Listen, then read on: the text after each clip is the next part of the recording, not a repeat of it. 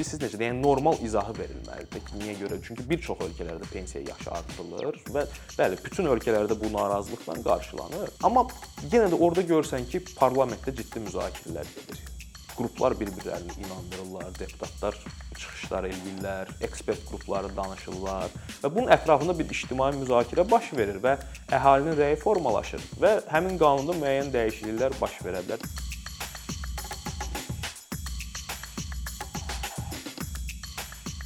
Turqut salam, xoş gördük səni ikincidə. Mən istəyirəm biz söhbətimizə ilk öncə hər birimizin həyatına təsir edən bu siyasi, iqtisadi qərarların qəbul etmə prosesindən danışaq. Çünki bəzi hallarda hökumətlər və parlamentlər istisnasız hər kəsin həyatına təsir edə biləcək qaydalar, qanunlar müəyyən edirlər və təbii ki, belə olan halda bu qanunların, bu qərarların qəbul etmə prosesinin effektiv olması çox vacibdir. Çünki həm gələcəkdə bəzi problemlərin çıxmasının öncədən qarşısını almaq üçün həm müxtəlif maraq qruplarının fikirlərin nəzərə alınması baxımından bu baxımdan soruşmaq istəyirdim ki, bu tip hər kəsin həyatına təsir edən qərarların qəbul qəbul etmə prosesi necə olmalıdır? Xoş gördük Fərid. Birinci ondan başlayım ki, bu demokratik və avtoritar rejimlərdə fərqli cür baş verir. Yəni normal prosedur nədir? Normal prosedur ondan ibarətdir ki, xalq parlamenti seçir, parlamentdə xalqın təmsilçiləri oturur və bu təmsilçilər müəyyən ya iqtidar partiyası, ya müxalifət partiyası, ya hər hansı bir ictimai qruplar, ya vətəndaşların petisiyaları vasitəsilə bir qanun layihəsi təklif olunur. O qanun layihəsi parlamentin komitə iclaslarında işlənilir, tək təkmil varianta gətirilir. Ondan sonra da parlamentin plenar iclasında müzakirə olunur və orada ya qəbul olunur, ya e, əlavə və düzəlişlər üçün göndərilir yenidən komitə iclaslarına, ya da rədd edilir. Yəni normal standart prosedur budur. E, amma burada çox önəmli bir faktor var ki, onu mütləq nəzərə almaq lazımdır. Bu da lobbiçilikdir. E, lobbiçilik yəni tez-tez eşidirik Azərbaycanda da və birmənalı mənfi münasibət vardı o sözə qarşı və müəyyən qədər də haqlılıq var bu mənfi münasibətə. Çünki lobbiçilik deyəndə daha çox bunu nə ilə assosiasiya eləyirik? Bunu onunla assosiasiya eləyirik ki, böyük şirkətlər, böyük iqtisadi aktorlar, böyük korporasiyalar və yaxud hər hansı bir zəngin maraq qrupları bunlar öz əlaqələri vasitəsilə, parlamentdəki belə deyim də onların müttəfiqləri vasitəsilə onlara həmin bu adamlarının belə deyək, parlamentdə dəstəklədikləri adamlara verdiyi ianələr vasitəsilə e, müəyyən formalarda təsir eləyirlər öz maraqlarının parlament səviyyəsində təmin olunmasını e, mümkün eləyirlər. E, amma lobbiçilik deyəndə tək bu məsələnin neqativ tərəfini seçilməmiş şəxslərin, seçilməmiş böyük, zəngin iqtisadi aktorların siyasi prosesə, demokratik prosesə müdaxiləsi kimi tək elə başa düşməməliyik. Çünki lobbiçilik deyəndə həm də deyək ki, müstəqil vətəndaş cəmiyyəti qruplarının həmin bu deputatlarla, təmsilçilərlə görüşməyi də nəzərdə tutulur. Müxtəlif tutaq ki, hansısa spesifik mövzu üzrə qanun layihəsi təklif olunubsa və yaxud hansısa spesifik mövzu üzrə bir müzakirə varsa, həmin spesifik mövzunun mütəxəssisləri dəvət olunub onlarla müzakirələr aparıla bilər. Və yaxud yəni bura tutaq ki, qərbdən danışırıqsa, qərb ölkələrindən, qərbin demokratik ölkələrindən danışırıqsa, tutaq ki, kilsə qrupları və s. yəni gənclər qrupları, ətraf mühitlə məşğul olan qruplar, bunlar hamısı lobbiçilik fəaliyyətinin bir hissəsi kimi görə, görülə bilər. Ancaq təbii ki, bayaq da dediyim kimi, əsasən həmin bu lobbiçiliyi seçilməmiş şəxslərin demokratik prosesə müdaxiləsi kimi görünür. Məsələn, Ən yaxşı nümunələrdən biri Amerikada NRA deyilən bir qurum var, National Rifle Association. Bu milli silah e, assosiasiyası kimi tərcümə oluna bilər. Bu qurumun məqsədi nədir? Bildiyiniz kimi Amerikada e, vətəndaşların e, silah fərqli silahlanma hüququ, silahlanma hüququ var, silah əldə etmə hüququ var, saxlama hüququ var.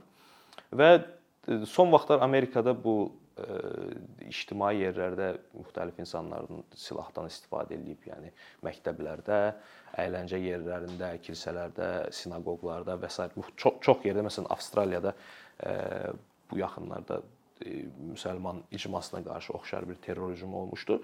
Amerikada bu tez-tez baş verir son vaxtlar və bu tipli hadisələrdən sonra ictimaiyyət çox ciddi şəkildə narazılığını bildirir ki, bəs məhz bizim bu silah hüquqlarımıza görə, köhnəlmiş silah hüquqlarımıza görə e, hal-hazırda Amerikada mütəmadi olaraq kütləvi belə qırğınlar baş verir və e, öz təmsilçilərini sövq eləyirlər ki, gəlin bu məsələni həll eləyək, bu qanunda dəyişikliklər e, həyata keçirdək və yaxud ümumiyyətlə silahlanma hüququnu ləğv eləyək.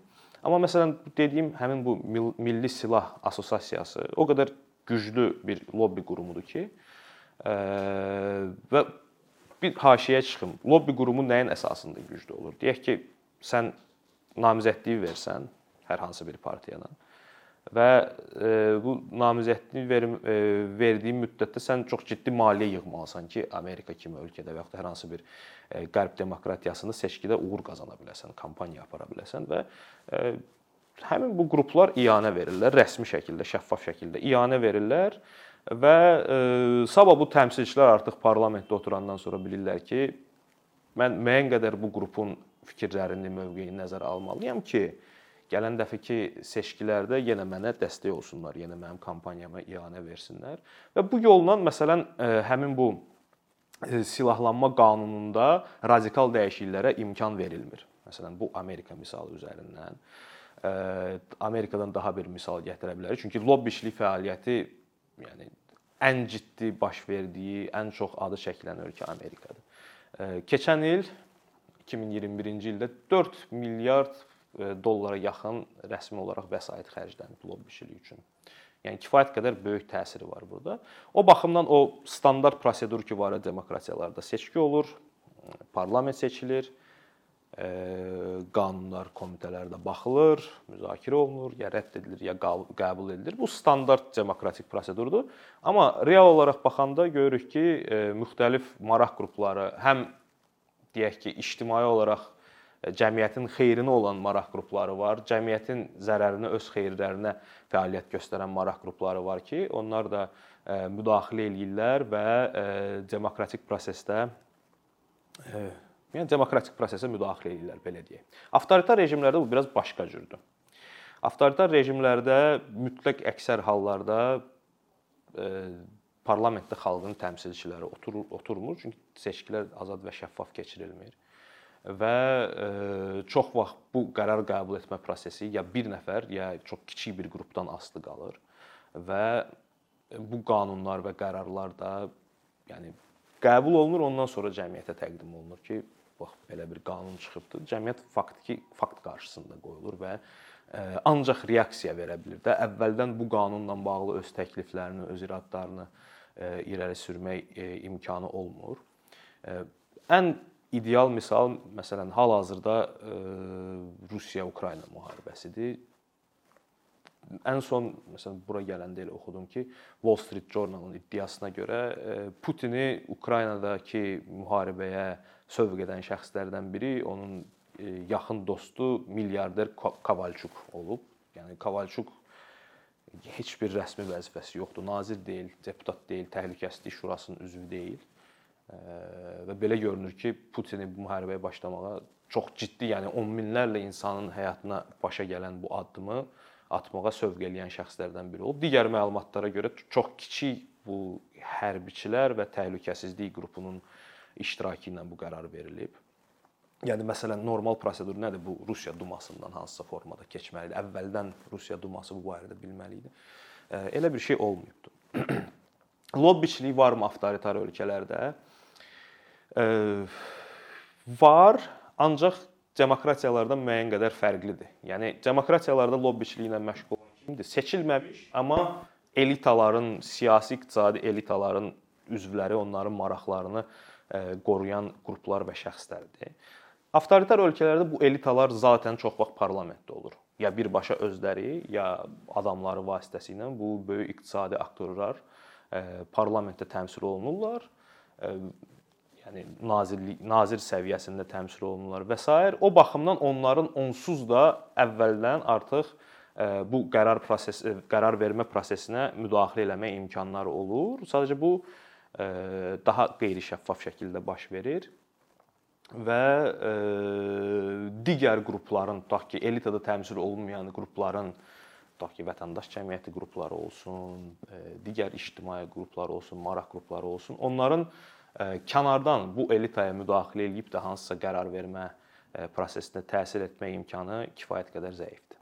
Turqut biz danışdıq ki, bu demokratik və avtoritar rejimlərdə bu proses necə baş verir, amma bir maraqlı məqam da var. Məsələn, siyasətçilərin tez-tez işlətdiyi bir söz var bu böyük qərarlar qəbul etmə vaxtı ki, bu sosial sifariş idi, bu xalqın sifarişi idi və biz bu sifarişə əsaslanaraq bu ciddi qərarları qəbul etdik.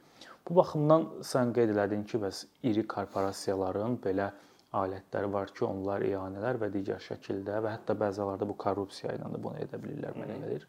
Bu qərar qəbul etmə prosesinə təsir edə bilirlər. Bəs e, bu biznes və kommersiya marağı olmayan təşəbbüs qrupları var. Məsəl üçün əlilliyi olan şəxslərin və yaxud hansı etnik qrupun ola bilər spesifik problemi var. Bəs bu cür qruplar, hansı ki, böyük nəhəng maliyyə imkanları yoxdur, onların bu sosial sifarişi yaratmaq üçün hansı alətləri var və bunlar öz problemlərini necə hökumətin gündəminə gətirə bilərlər? Bu da biraz ölkədən ölkəyə dəyişir, amma ümumi bir çərçivə var da belə deyək. Ya birincisi nə qədər klişe səslənsə də, ən ideal yol, bunun ən stabil yolu öz yəni cəmiyyət olaraq, hansısa bir ictimai qrup olaraq, şəxslər olaraq öz ə, marağını elitaya çatdırmaq üçün, yəni siyasi prosesdə yansıtmanı təmin etmək üçün ən sadə və stabil yol seçkidir. Yəni bir namizəd var, sənin dairən üzrə, əgər majoritar seçkidirsə deyək, sənin dairən üzrə namizəd var və e, sənin vətəndaş olaraq dərdlərin var. Maraqların var. Və sən görəndə ki, tutaq ki, X namizəd sənin dərdlərini və maraqlarını onunla bağlı nəsə bir iş görmək istəyən şəxsdirsə, ona səs verirsən və o artıq sənin orada belə deyək, təmsilçin nümayəndən olur. Və bu təmsilçi nümayəndə sənin istəklərini, sənin maraqlarını, söz verdiyi şeyləri həyata keçirtmirsə, sən birincisi ona təzyiq eləyə bilərsən. Çünki sənin təmsilçindir. Və yaxud növbəti seçkidə onu seçməyə bilərsən. Bu bunun ən rahat yolu. Bəs o maraq qrupu seçkinin nəticələrinə təsir edəcək qədər çox deyilsə sayı hansı maraq qrupundan söhbət gedir? Hə, ictimai maraqlar, kommersiya maraqları bəli, olmayan. Bəli. Çox deyilsə bunun artıq metodları həm avtoritar, həm demokratik ölkələrdə yuxarı-aşağı eynidir. Nə baxımdan eynidir? Təbii demokratik ölkələrdə bu metodlardan istifadə etmək daha azaddır. Tutaq ki, həbs təhlükəsi ya yoxdur, ya çox azdır. Ancaq bir sıra fəaliyyətlərdə bir-bir deyim. Məsələn, ən sadəsi ilk ağla gələn petisiya. Petisiya bir çox ölkələrdə qanunla təyin olunub ki, müəyyən qədər imza toplanılırsa, parlament bu təklifə baxmağa məcburdur. Azərbaycanda da belədir. 40 min imza toplanılırsa, parlament buna baxmağa məcburdur, amma çox vaxt görürük ki, yola verirlər də, hətta çox nadir təşəbbüslərdə ümumiyyətlə parlamentə gedib çıxır. Və yaxud mətbuat vasitəsilə, yəni hələ də ən güclü təsir qüvvələrindən biri, ən güclü qüvvələrdən biri demokratik prosesdə mətbuatdır. Mətbuat vasitəsilə e, parlamentlərə, təmsilçilərə ciddi şəkildə təzyiq eləmək mümkündür. E, təbii ki, kütləvi nümayişlər vasitəsilə hər hansı bir spesifik peşə fəaliyyəti ilə bağlıdırsa bu, hər hansı bir spesifik e, iş qrupu ilə bağlıdırsa ki, deyək ki, onlar əlavə nəsə müavinətlər istəyirlər və yaxud əlavə yəni ən sadə maaş artımından tutmuş tətil hüququna qədər müxtəlif şeylər tələb eləyirlərsə, həmkarlar təşkilatların təşkil etdiyi tətillər ola bilər. Hansısa digər ictimai qrupların müxtəlif formalarda öz təmsilçilərinə və parlamentə, nazirlər kabinetinə, prezidentə müxtəlif formalarda bu cür təzyiq eləyə bilərlər ki, bunun deyim ki, ideal bir metodu var ki, bir sehrli çubuq çıxardaq bunu eləyək. Yox. Bu çox vaxt müxtəlif faktorların üst-üstə gəlib də kritik massaya çatması səbəbindən mümkün olur. Ancaq çox vaxtı da təəssüf ki, ictimai qruplar nəyisə tələb eləyəndə, əgər bu cəmiyyətin ümumi maraqlarının və diqqətinin çox da cəlb eləmirsə, o zaman onlar çox parlamentlər tərəfindən də, nazirlər tərəfindən də, təmsilçilər tərəfindən də diqqətə alınmır, rədd olunur. Burada maraqlı məqamlardan biri də odur ki, yəni daha çox demokratik ölkələrdə görülür yenə də.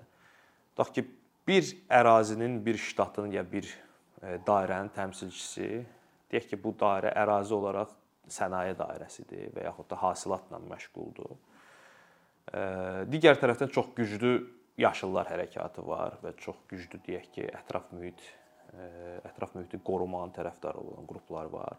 Burada artıq iki maraq qrupunun toqquşması yaranır. Bir tərəfdən həmin dairədə bu təmsilçiyə səs verən insanlar böyük əksəriyyəti ya özləri ya ailələri həmin bu sənayedə çalışırlar. Yəni bundan iş yeridir, bundan öz yaşayışlarını təmin edir. O bir tərəfdən yaşıllar ətraf mühitin qorunmasının dəstəkçiləri e, tələb edirlər ki, deyək ki, hər hansı bir zavod bağlansın, hər hansı bir e, sənaye bağlansın və yaxud ora hər hansı bir əlavə qadağalar gətirilsin.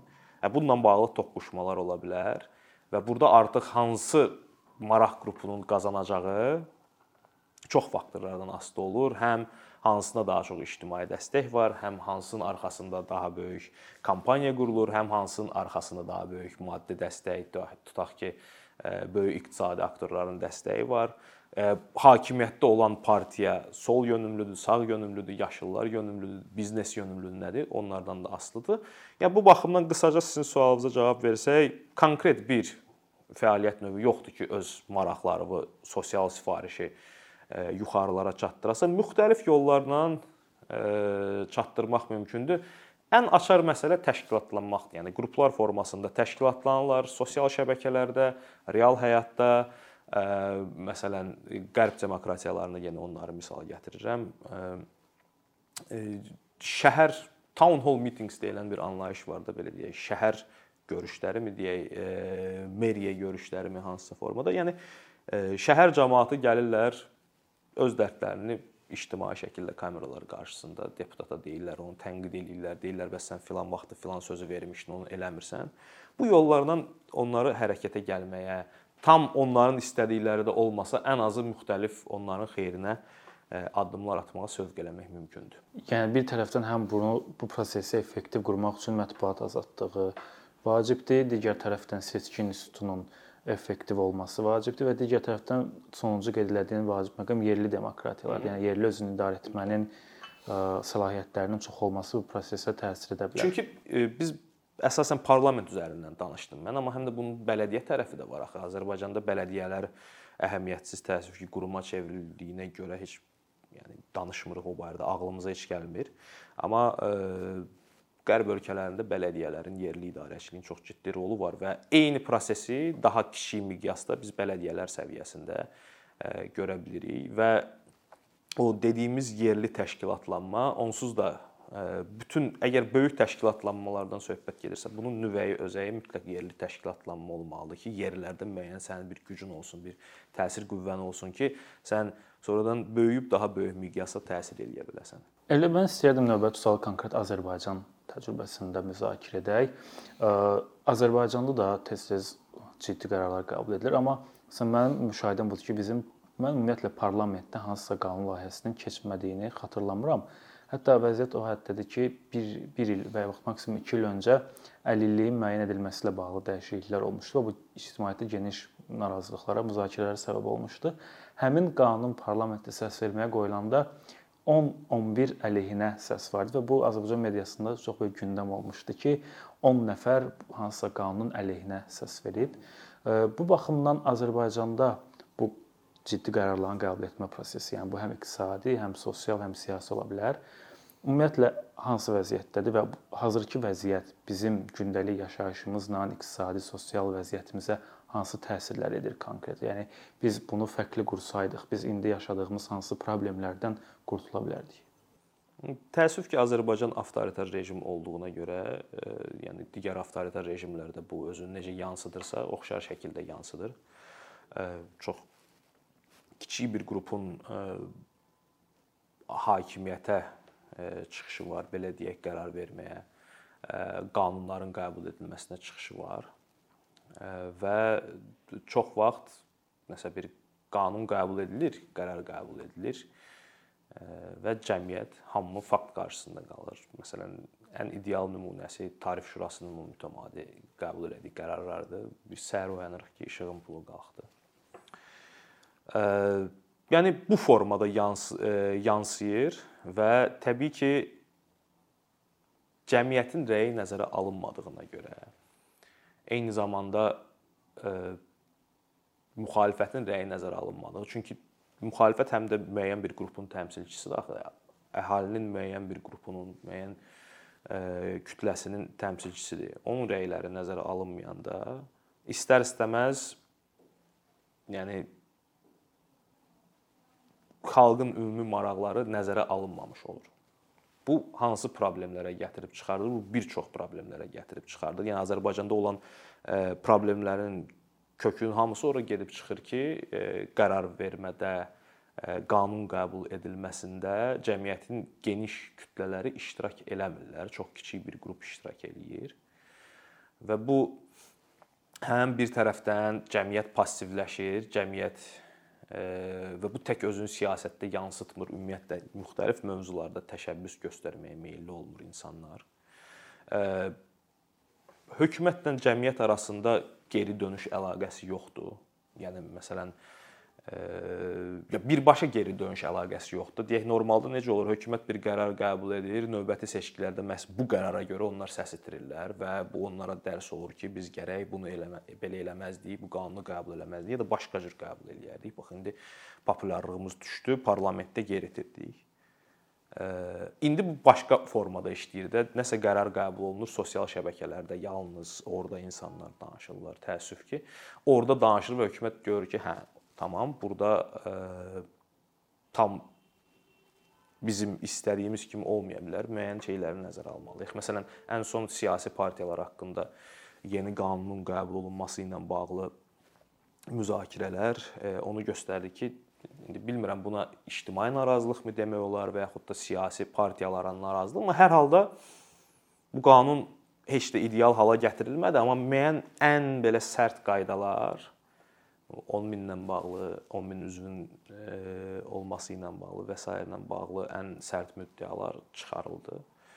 E, amma dediyim kimi də bu normal institusionallaşmış bir proses formasında olsa, mexanizm formasında olsa bu geri dönüş prosesi cəmiyyətin rəyinin həqiqətən də bir təsirinin, bir rolunun olması bütün sahələrdə daha müsbət situasiya yaranar. Çünki indiki situasiyada çox kiçik bir qrupun və bu qrupun ətrafında olan maraq qruplarının, güclü iqtisadi aktorların və s.nin əsasən maraqları nəzərə alınır, geniş xalq kütlələrinin maraqları nəzərə alınmır. Hətta nəzəri olaraq desək ki də müəyyən qərarlar məntiqli qərarlardır və hər hansı bir demokratik parlamentdə də oxşar qanunlar qəbul ediləcəkdir. Əhalinin ümumiyyətlə bu institutda inamının olmadığına görə fikirləşirlər ki, aha, burada yəqin ki, yenə indi üzdən görünür ki, yaxşıdır, amma yenə yəqin ki, ə, gizlicə bizim əleyhimizə bir şey çıxartmaq istəyirlər. Və yaxud tutaq ki, pensiya ilə bağlı qanun qəbul olunur ə, və bunun bilirsiniz necə, yəni normal izahı verilməlidir ki, niyə görə? Çünki bir çox ölkələrdə pensiya yaşı artırılır və bəli, bütün ölkələrdə bu narazılıqla qarşılanır. Amma yenə də orada görsən ki, parlamentdə ciddi müzakirələr gedir.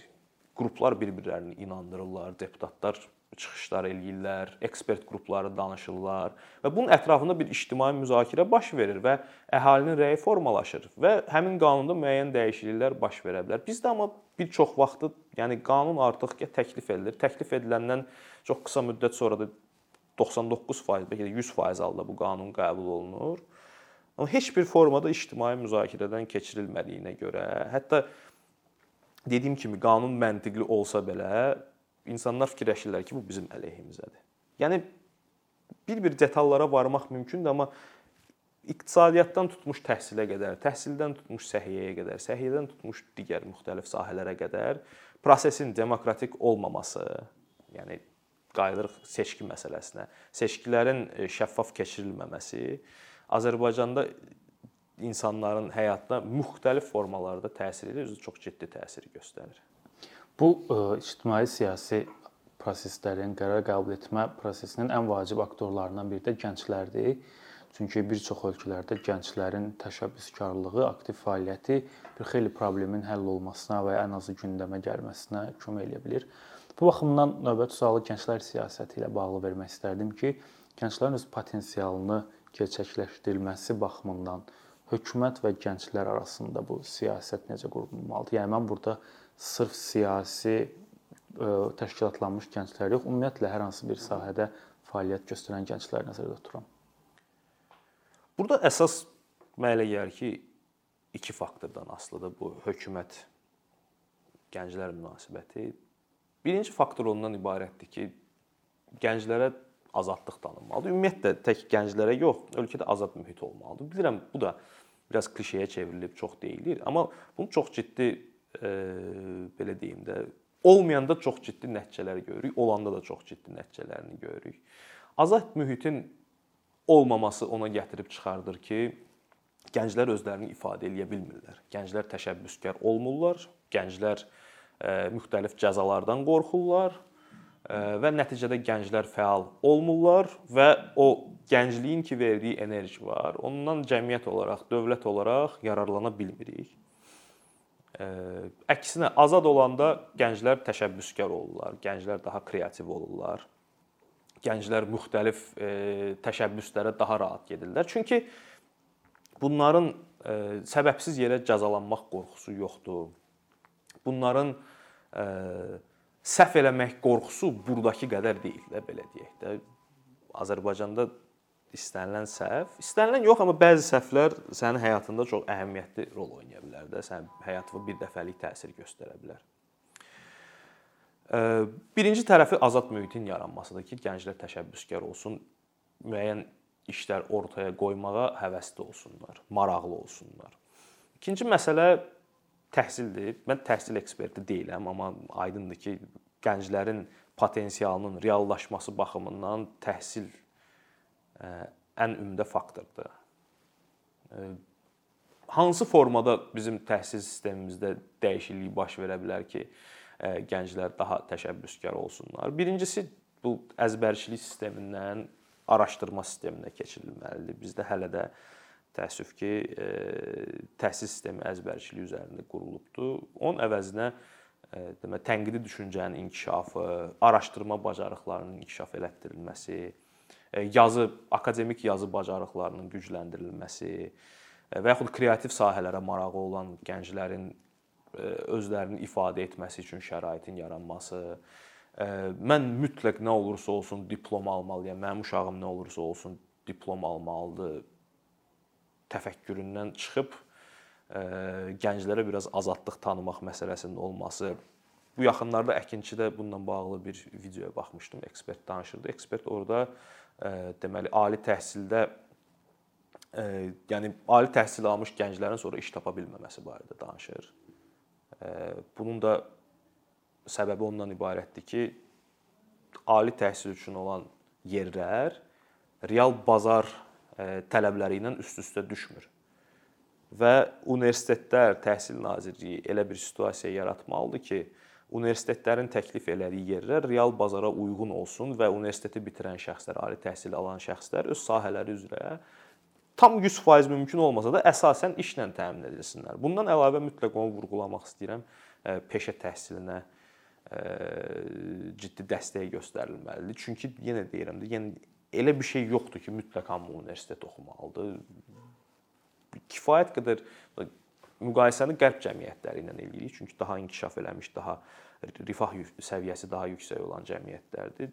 Peşə təhsilinə çox ciddi diqqət yetirilir və insanlar konkret bir peşəni götürürlər, orada yüksək səviyyədə peşəkarlaşırlar və özlərinin, ailələrinin çox ciddi şəkildə rifahını e, təmin eləyirlər. Bu da faktorlardan biridir. Yəni bir tərəfdən azadlıq mühitinin yaranması, o, o bir tərəfdən təhsilin inkişaf etdirilməsi, təhsil sahəsində ciddi islahatların, köklü islahatların aparılması e, gənclərin daha təşəbbüskar olması üçün ilkin şərtləri yaradır. Mən demirəm ki, bütün məsələləri həll eləyəcəm, amma ilkin şərtlər yaradır.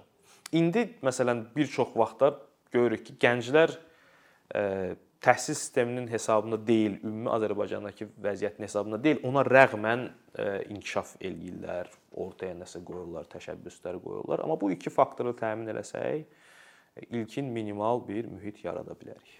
Çox sağ ol maraqlı söhbət üçün Turqay, çox təşəkkür edirəm.